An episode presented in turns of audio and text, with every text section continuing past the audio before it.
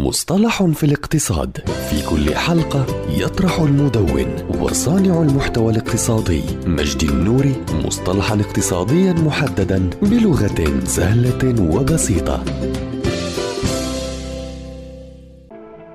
عجز الميزانية. هو الرصيد السالب للميزانية العامة للدولة والناتج عن كون النفقات تفوق الإيرادات وتضطر الحكومة في هذه الحالة إلى تمويل هذا العجز من خلال الاقتراض مما يؤدي إلى تزايد الدين العمومي. وفي الحالة الأخرى أي حينما تزيد الإيرادات على النفقات يقال إن الميزانية تعرف فائضا وتقوم الحكومة إما بترحيل هذا الفائض إلى ميزانية السنة القادمة على شكل إنفاق إضافي أو تحويله إلى ادخار وتوظيفه في أسواق المال أو في إنشاء صندوق سيادي. ولا ينبغي الخلط بين عجز الميزانية والمديونية العمومية حتى وإن كان العجز يترجم بالضرورة كدين إضافي إذ أن العجز عبارة عن تدفق من حيث إنه حصيلة ميزانية سنة مالية واحدة. أما الدين العمومي فهو عبارة عن مخزون أي تراكم لعدة سنوات من العجز.